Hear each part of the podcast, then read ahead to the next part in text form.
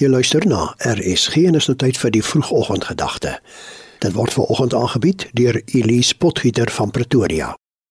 Goeiemôre luisteraars. Daar is 'n storie wat vertel word van 'n man met die naam Jakob. Hy was allermins 'n persoon wie enige iemand wou kyk, want Jakob, gemeet aan mense se standaarde, was uiterlik nie mooi nie. Dit was eers wanneer 'n mens hom leer ken het, dat sy goedhartigheid en wysheid jou laat vergeet het van sy voorkoms. Hy was groot vriende met die land waarin hy gewoon het se koning.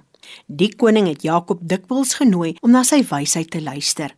Op so 'n dag loop hy toe in die gange van die paleis die koning se dogter raak. Die prinses hak toe af en sê: "My pa sê jy's die wysste man in sy hele koninkryk, maar hoe is dit dan dat God soveel wysheid in so onindrukwekkende houer soos jou liggaam gesit het?"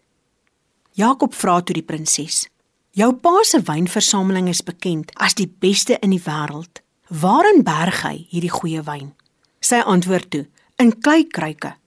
Nou waarom nie in silwerkruike nie? vra Jakob haar.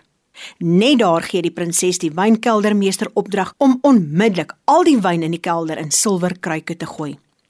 Later die jaar het die koning 'n groot feesmaal gereël waarin al die koning se mense van aansien in sy koninkryk genooi was. Hy sit toe sy beste wyn in sy kelder voor en tot groot konsternasie proe al die wyn toe suur en frank. Die koning was woedend.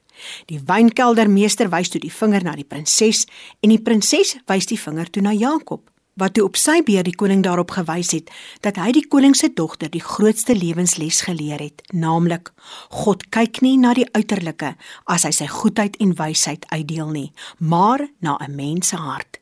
En so leer Paulus ons in 1 Korintiërs 1. Die boodskap van die kruis van Christus is wel onsin vir die wat verlore gaan, maar vir ons wat gered word, is dit die krag van God. Daar staan geskrywe: Die wysheid van die wyses sal vernietig en die geleerdheid van die geleerdes sal ek tot niet maak.